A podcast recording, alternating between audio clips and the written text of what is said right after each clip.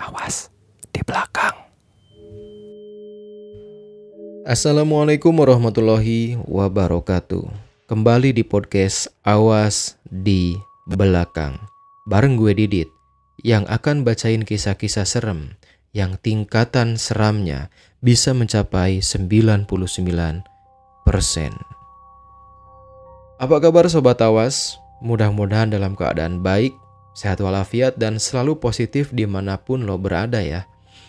Selamat juga beraktivitas buat lo yang dengerin podcast ini di pagi hari dan selamat beristirahat buat lo yang dengerin podcast ini di malam hari. Jangan lupa apa pun aktivitasnya awali dengan berdoa. Tepatnya di pekan ini banyak ya di di adik-adik kita yang baru masuk sekolah. Gua doain semoga kalian nih para adik-adik semangat belajarnya supaya kalian bisa berguna buat bangsa ini di kemudian hari. Amin. Amin ya robbal alamin. Di episode kali ini gue bakal bawain cerita yang berjudul Beda Sisi. Dan ini berkaitan dengan anak indigo. Cerita ini nyeritain tentang seseorang yang bernama Ganjar dengan Yunita pacarnya yang sekarang jadi istrinya. Sebelum ke cerita, follow dulu akun Instagram gue di @ai_vermadi dan kalian juga bisa kasih rating di akun Spotify Awas di belakang. Follow juga akun Spotify ini karena channel Awas di belakang sekarang hanya eksklusif di Spotify. Oke, langsung aja ke ceritanya. Siapin headset kalian dan pastiin kalau kalian lagi dengerin cerita di podcast Awas di belakang ini, kalian lagi sendirian.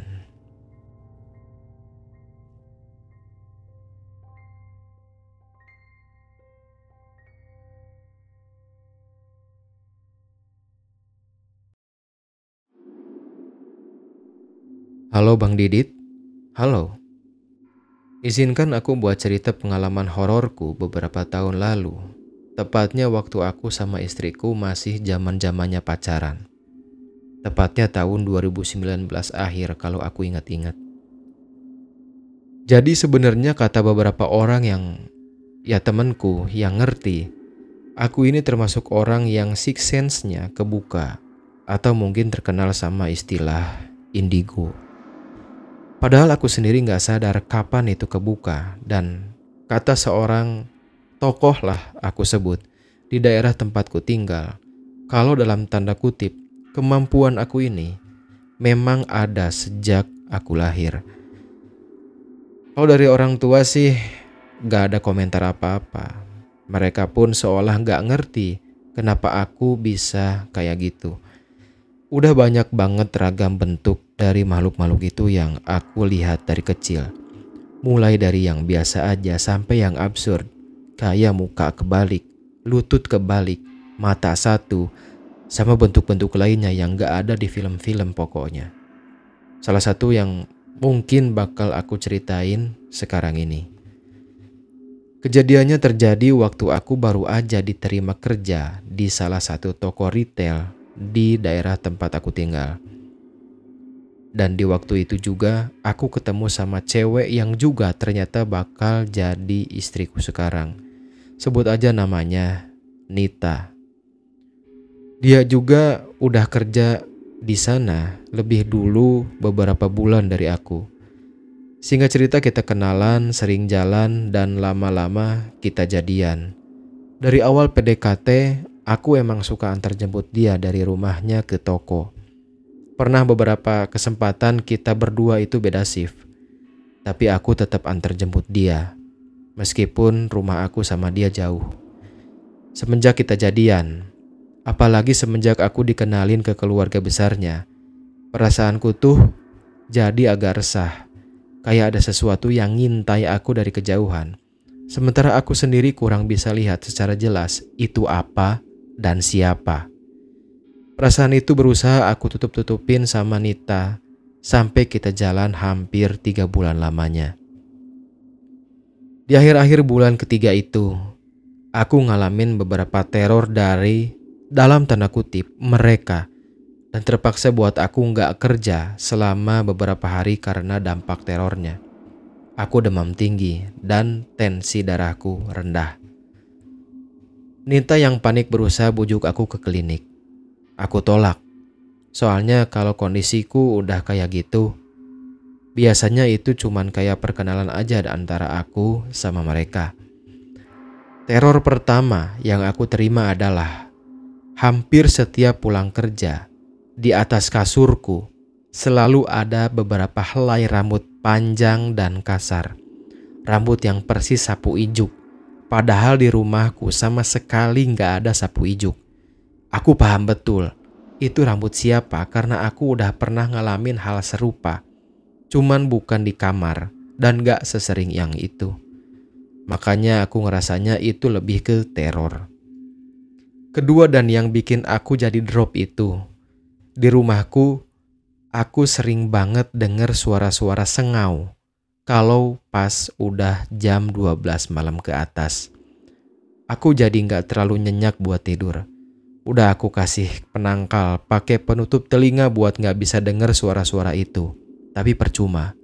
Suara-suara itu kayak seliweran di dalam kepala.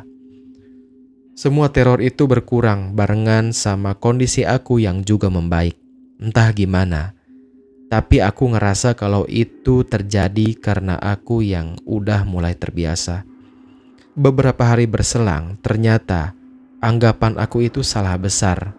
Ada satu teror terakhir yang bikin aku gak masuk akal sama sekali. Jauh beda dari gangguan-gangguan yang aku alamin dari kecil. Malam Rabu, pas banget aku sama Nita shiftnya barengan, shift malam. Seperti biasa aku jemput Nita di rumahnya. Berhubung jalan yang biasa kita lewatin itu lagi ada perbaikan. Jadi kita harus ngambil jalan muterin bukit, ngelewatin kebun karet. Bisa dibayangin gak tuh, kebun karet kalau malam gelap banget. Sebelum masuk kebun karet, aku doa-doa aja sebisanya biar ya seenggaknya fokus aku nggak terlalu sama apa yang aku bisa lihat. Soalnya rada khawatir juga kalau Nita jadi ikutan khawatir. Masuk ke areal kebun karet. Untungnya mereka cuma nampakin keberadaan mereka dari kejauhan. Itu masih oke okay lah buatku. Aku masih bisa fokus ke jalanan Makin jauh aku pacu motorku, makin gelap juga kondisi di sana. Tiba di jalan yang super gelap. Aku lihat kain terbang di depanku. Aku yakin sih itu sejenis miske atau sering kita sebut kuntilanak. Dia terbang ikutin jalanan. Aku yang jaga jarak jadi memperpelan laju motor karena daripada aku susul, aku udah ngebayangin duluan hal-hal yang enggak-enggak. Kayak dia tiba-tiba ngagetin atau gimana gitu. Mungkin sadar laju motor jadi makin pelan. Nita malah negur aku. Katanya, ngapain di tempat gelap kayak gini jalanin motor kok malah makin pelan? Nita malah nyuruh aku buat tancap gas dan kalau bisa ngebut katanya. Aku sendiri nggak bisa bilang alasanku yang sebenarnya ke dia. Nanti malah panik lagi. Tapi sialnya, Nita makin lama malah makin ngedesak aku buat ngebut sampai keluar areal kebun karet. Aku yang masih lihat sosok cewek di depan lagi terbang. Akhirnya jadi mikir-mikir lagi. Untungnya gak lama berselang. Dari cahaya lampu motor kelihatan kalau jalanan bakal belok ke kanan. Lihat tanda-tanda sosok itu bakal lurus. Akhirnya sedikit-sedikit aku kencengin laju motorku. Waktu mau belok, aku ngerasain pelukan yang kenceng banget dari Nita di belakang.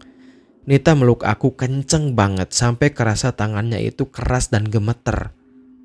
Sambil terus ngawasin sosok di depanku yang benar-benar lurus terbang ke arah jurang. Nyampe di toko, Nita jadi bertingkah aneh. Sehabis turun dari motor, dia langsung ambruk terus nangis kenceng banget. Gak beres nih, aku langsung bawa dia ke dalam toko, langsung ke gudang. Di gudang, pas aku masuk, terus ngerebahin Nita. Di deket tumpukan barang-barang yang ada di sana, aku lihat sosok yang tadi, sosok kuntilanak yang aku temuin di kebun karet. Dia diam sambil terus lihat ke arah Nita. Dan aku baru bisa lihat wajah asli makhluk itu ketika itu. Semuanya normal, tapi cuma setengah. Aku cuma bisa lihat dari mata kanan, sebagian hidung, sama sebagian mulutnya. Kenapa aku bilang sebagian?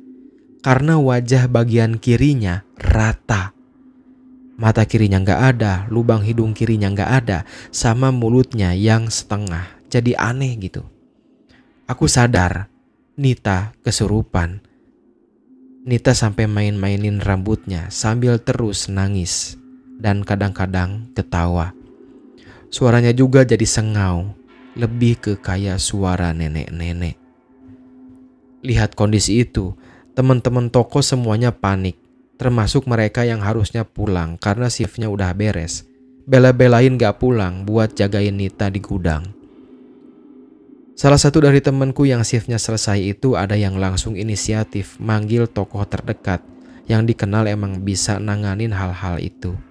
Kita tahu, orang pintar lah. Aku sendiri Meskipun aku dikenal lebih sensitif sama keberadaan makhluk-makhluk astral, paling gak bisa kalau harus berurusan sama orang yang kesurupan. Belum lagi sosok cewek berwajah aneh yang aku lihat di dekat tumpukan barang itu masih ada. Dan udah coba aku usir pun gak berhasil. Dia malah balik menatap aku pakai tatapan yang nyeremin gitu.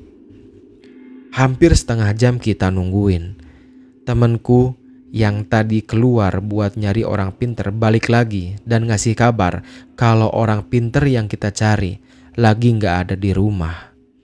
Akibatnya ya kita semua bingung campur panik, gak tahu harus gimana dan cuman bisa berdoa.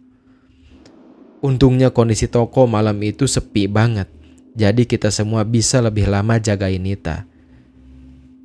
Sejam berlalu, Akhirnya Nita bisa sembuh dengan sendirinya.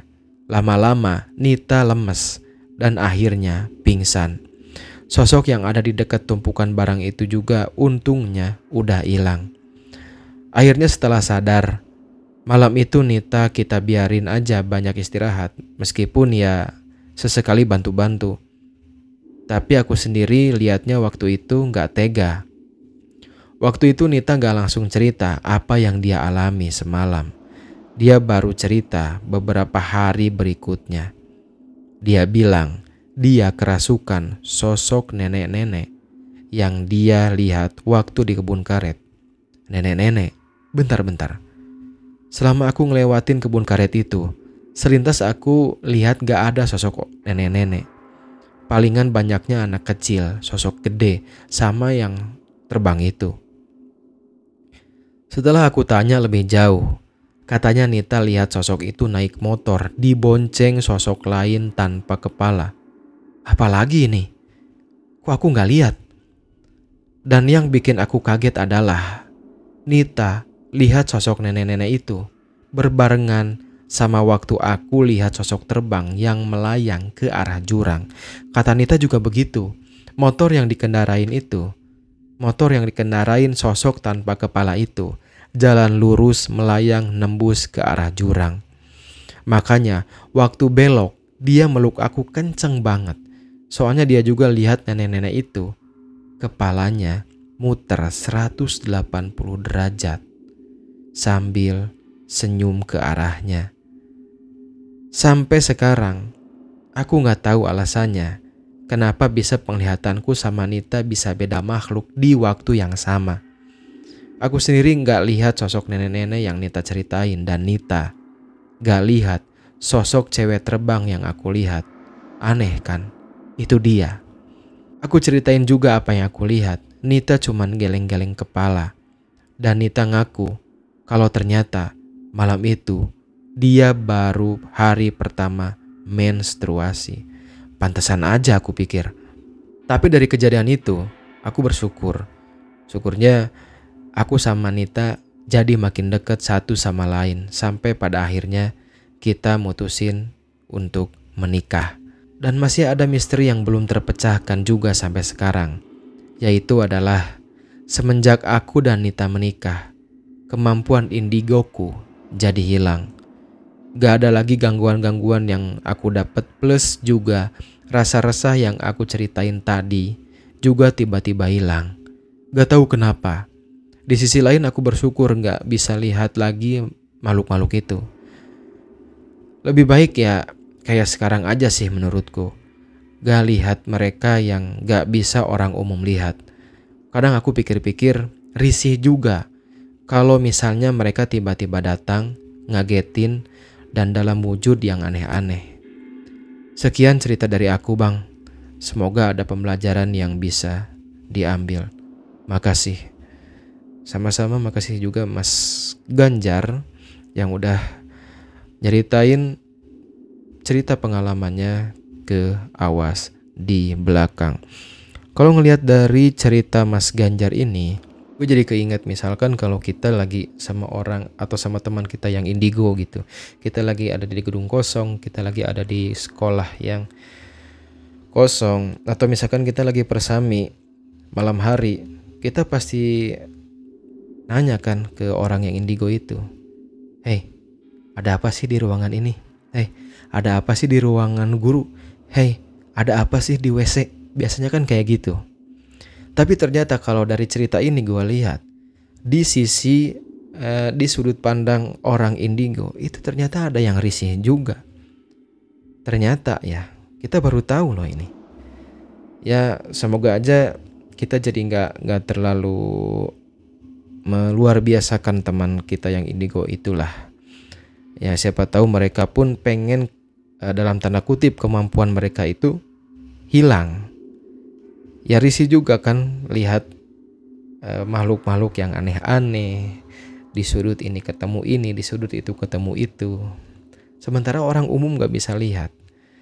Ya kita doakan semoga semuanya anak-anak indigo yang kita kenal semoganya semoga semuanya bisa uh, kembali normal lah ya. Begitu. Oke okay, uh, itu aja mungkin episode kali ini. Sampai jumpa di episode berikutnya.